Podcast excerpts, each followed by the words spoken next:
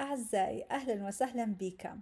بإذن الله الحلقة الثالثة من الموسم الثالث لكتب ليبية حتكون عن شاعر ليبي معاصر والكتاب هذا يعتبر سيرة غيرية عن أهم محطات حياته من طفولته ونشأته إلى آه، الأجواء اللي هو يحب يكتب فيها. وبرضه ما ننسوش واللي حيحكي لنا على أهم قصائده.